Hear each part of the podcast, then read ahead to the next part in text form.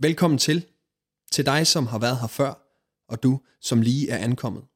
Vi er København Vineyard på Frederiksberg. En kirke med et inderligt ønske om, at du føler dig inkluderet, inspireret og involveret i den rejse, som Gud inviterer os alle sammen med på. Vi håber, at den næste tid med podcasten på Play vækker opmundring, udfordring eller genklang lige der, hvor du er. God fornøjelse. Kender I udtrykket, træk lige vejret?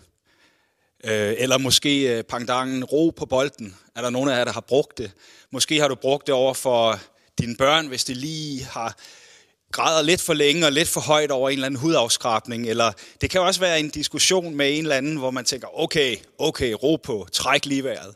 Jeg kan selvfølgelig garantere for, jeg har aldrig nogensinde sagt det i en samtale med min kone, for det vil jo ikke falde godt ud.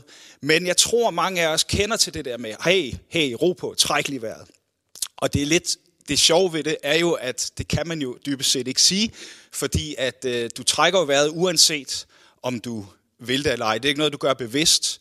Øh, det, det er det første, du gør, når du kommer til verden, og det er det sidste, du gør, inden du forlader verden. Det er ligesom eksistensgrundlaget for dit liv, at du rent faktisk trækker vejret. Men samtidig så er det jo også vigtigt i forhold til øh, din sundhed og i forhold til sportspræstationer, eller for den sags skyld, hvis du skal meditere og være stille, så kan din, den måde, du trækker vejret på, være ret afgørende. Og på samme måde vil jeg også påstå, at der er et eller andet lige så basic i vores relation til Gud. Der er på en måde en, en øh, relation til Gud, hvor vi lærer at trække vejret, hvor vi lærer at finde ind i Guds nærvær, når tingene spidser på, når det hele brænder på i vores liv. Og måske har du netop nu, øh, i den tid vi er i lige nu, brug for lige at trække vejret, lige at finde ro, lige at finde ind i Guds nærvær. Og hvordan gør man så det? Og for at illustrere det, kan jeg ikke komme i tanke om nogen bedre øh, figur i Bibelen end kong David. Og kong David talte jeg om sidste gang jeg talte. Det er ikke sikkert, at du hørte den prædiken, men du kan jo høre den på, øh, på YouTube eller på podcast, hvis du har lyst. Der talte jeg om Davids kamp med Goliat. Og jeg har faktisk lyst til at fortsætte der, hvor jeg slap øh, sidst, nemlig med at zoome ind på David et lidt andet sted i 1. Samuels bog 30.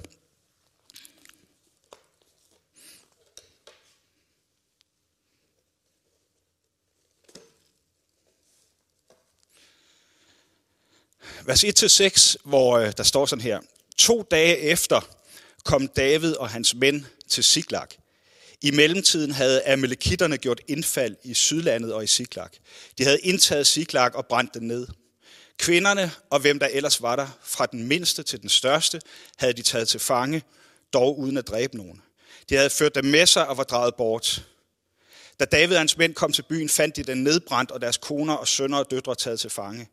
Da brast David og hans folk i gråd, og de græd til de ikke kunne græde mere.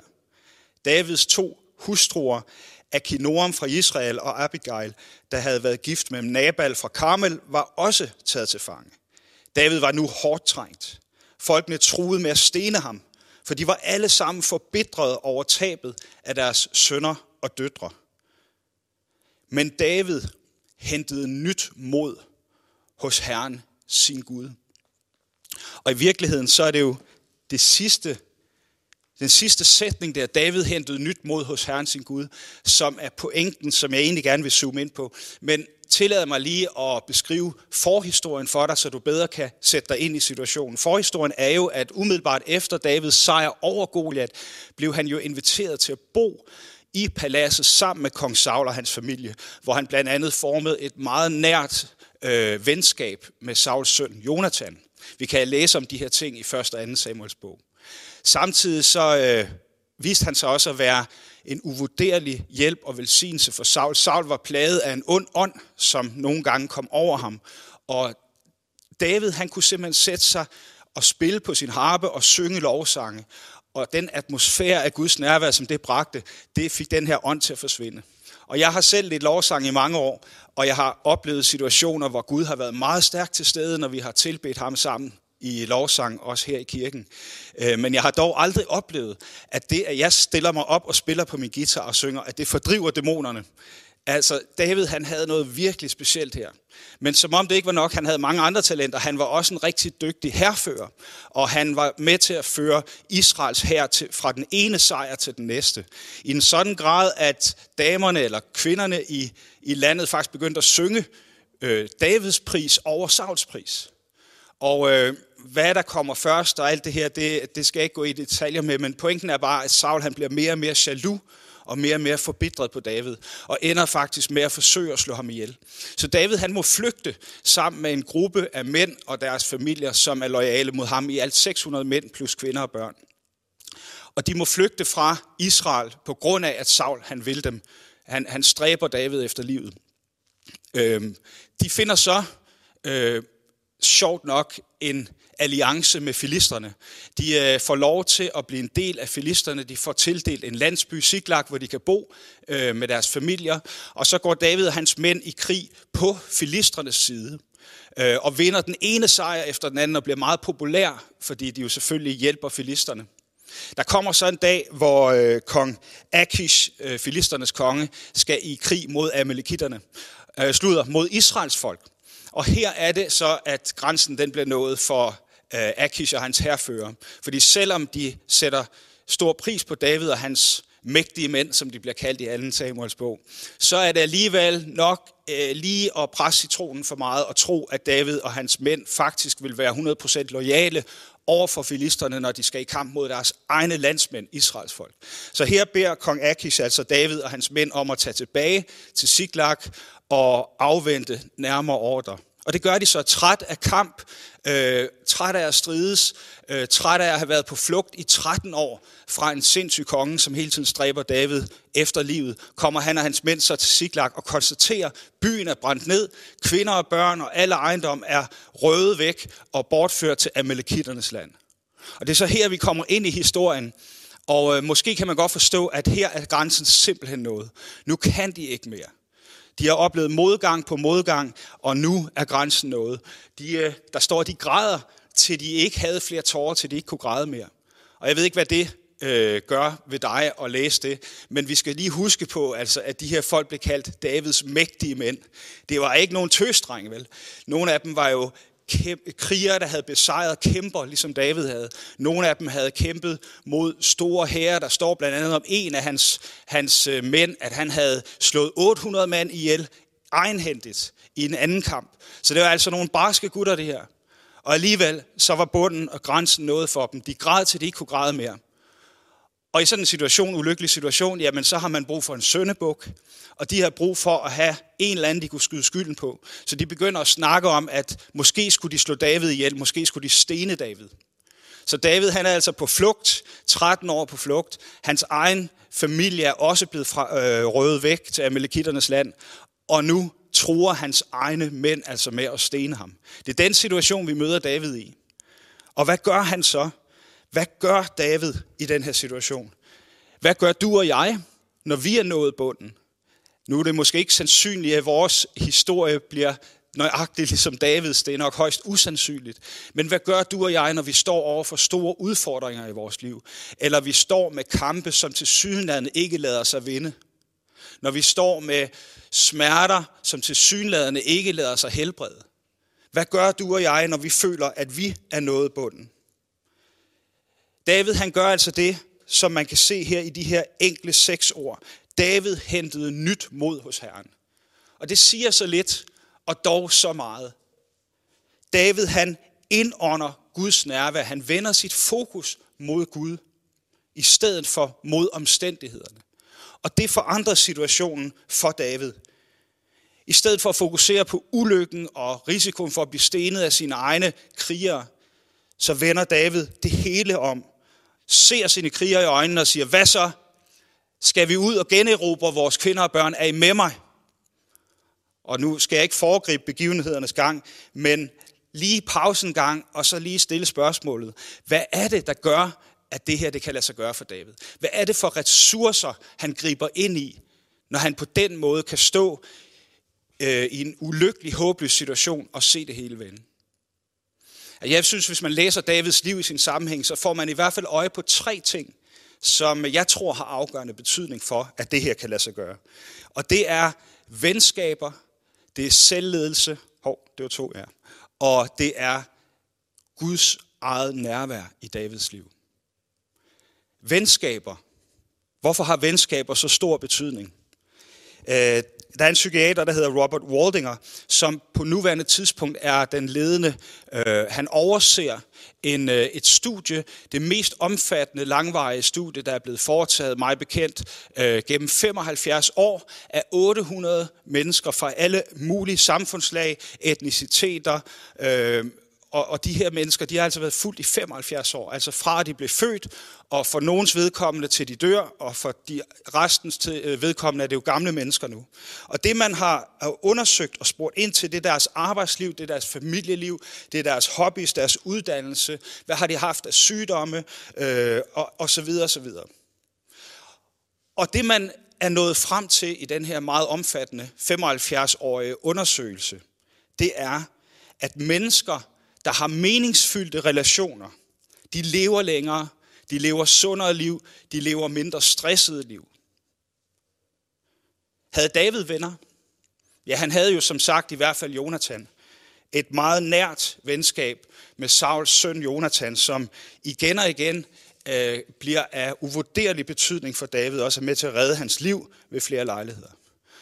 Og David, når vi læser, så ser vi, hvordan David han giver udtryk for en meget stærk kærlighed til sin ven Jonathan. Så stærk, at øh, når man læser det med nutidens øjne, så er der nogen øh, bibelfortolkere, der, der stiller spørgsmålet, kan David have været biseksuel?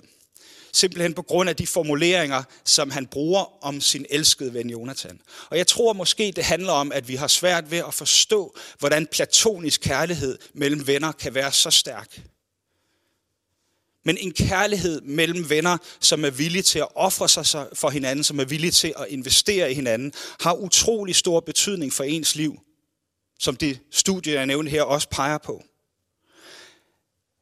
En anden ting, jeg har hørt, det er, at, at man lavede en test, hvor man bad en uh, kriminaltegner om at portrættere et menneske.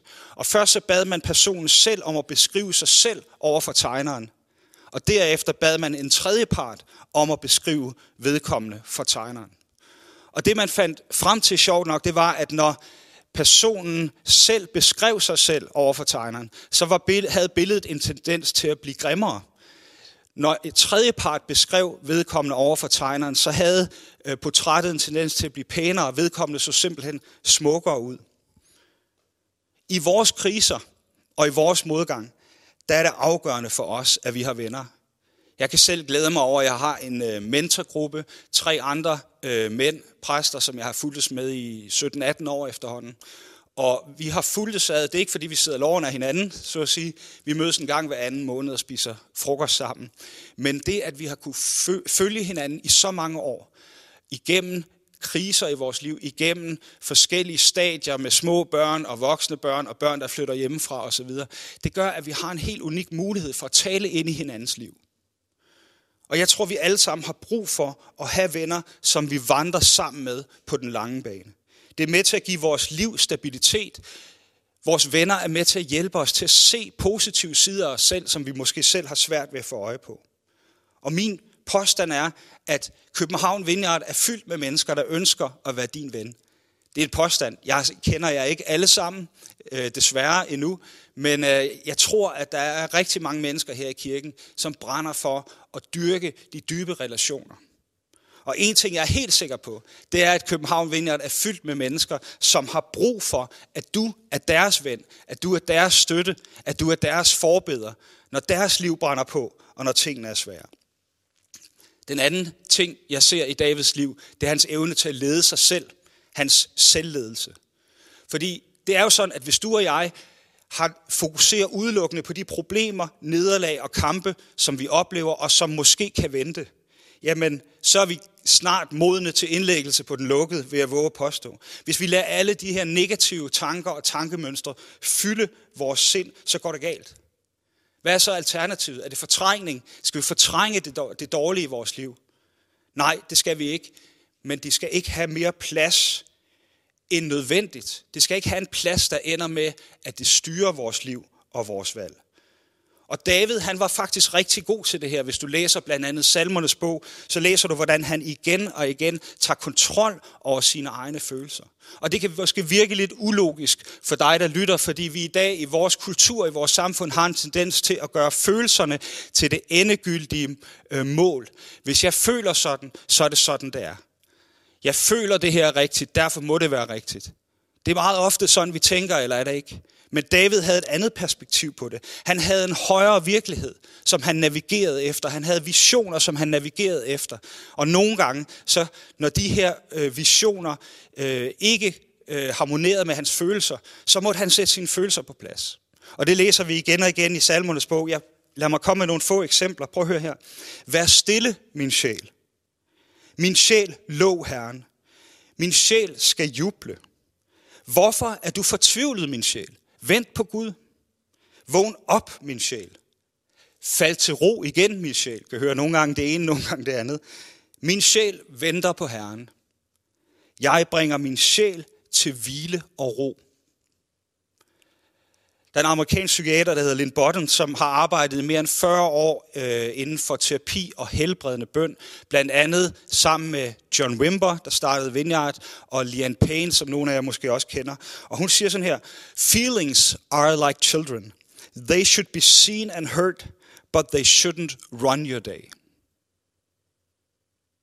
Det tredje aspekt, som jeg synes, vi læser i Davids liv, det er hans evne og vilje til at søge ind i Guds nærvær søge Helligåndens tilstedeværelse, kan du sige. Hvis vi læser videre i den tekst, jeg lige har læst, så ser vi faktisk helt konkret, hvordan David han involverer præsten. Ebiatar spørger ham til råd. Sammen spørger de Guds til råd om, hvad de skal gøre, før de tager beslutningen. Dengang i Gamle Testamentet, der havde man nogle forskellige metoder for at spørge Gud til råds. Nogle gange trak man lod, nogle gange brugte man, som i det her tilfælde, en såkaldt efod. I dag har vi jo nogle andre muligheder, fordi i dag har vi faktisk direkte adgang til Gud gennem hans helligånd. Vi kan simpelthen spørge Gud direkte til råds, fordi vi har adgang til en nær relation med hans ånd. Og helligåndens formål og funktion er netop at kommunikere Guds vilje til os. Han kommunikerer med os gennem billeder, gennem tanker, gennem visioner, øh, alt sammen med det formål at vejlede os og styrke os og opmuntre os. Han fortæller os også nogle gange, hvad vi skal bede om, så vi kan formulere bønder, der er i overensstemmelse med Guds hjerte og Guds dagsorden for os. Og det her det er en kæmpe fordel, og derfor er det så vigtigt, at vi netop prioriterer og søger tid med Gud, med hans helligånd, gennem stillhed, gennem bøn, gennem lovsang, hvordan du nu oplever, at det virker for dig. Der er mange måder at søge ind i Guds nærvær på. Det handler simpelthen om, at vi øver os i at tune ind på at høre det, Gud øh, siger til os. Og det kan vi i høj grad også bruge det her fællesskab til. Det er i høj grad også et formål med kirken, at når vi kommer sammen, så tager vi tid sammen til at søge Guds nærvær, til at søge hans vilje for vores liv. I Guds nærvær, der bliver vi, ligesom David, trøstet, vi bliver forfrisket, vi bliver opmuntret. Helligånden kaldes jo også i Nytestamentet sandhedens ånd. Og det er fordi, han fortæller os sandheden om os selv. Han kan vise os, hvis der er ting i vores liv, der holder Gud på afstand, og motivere os til at forandre det, for at Gud kan få bedre plads og råderum i vores liv. Og han motiverer den her forandring ved at give os en vision af vores sande potentiale, hvem han ser, at vi er. Man kan på en måde sige, at han er den tredje part, som beskriver et langt smukkere billede af dig til tegneren til Gud, end du selv vil være i stand til at beskrive. Det er det, Helligånden gør. Og det var det, David havde opdaget og gjorde brug af, når der står den enkle sætning, David hentede nyt mod hos Herren. David havde lært at trække vejret, og resultatet blev Amalekitternes nederlag. David og hans mægtige mænd, de sejrede, de generobrede kvinder og børn, og øh, tingene vendte.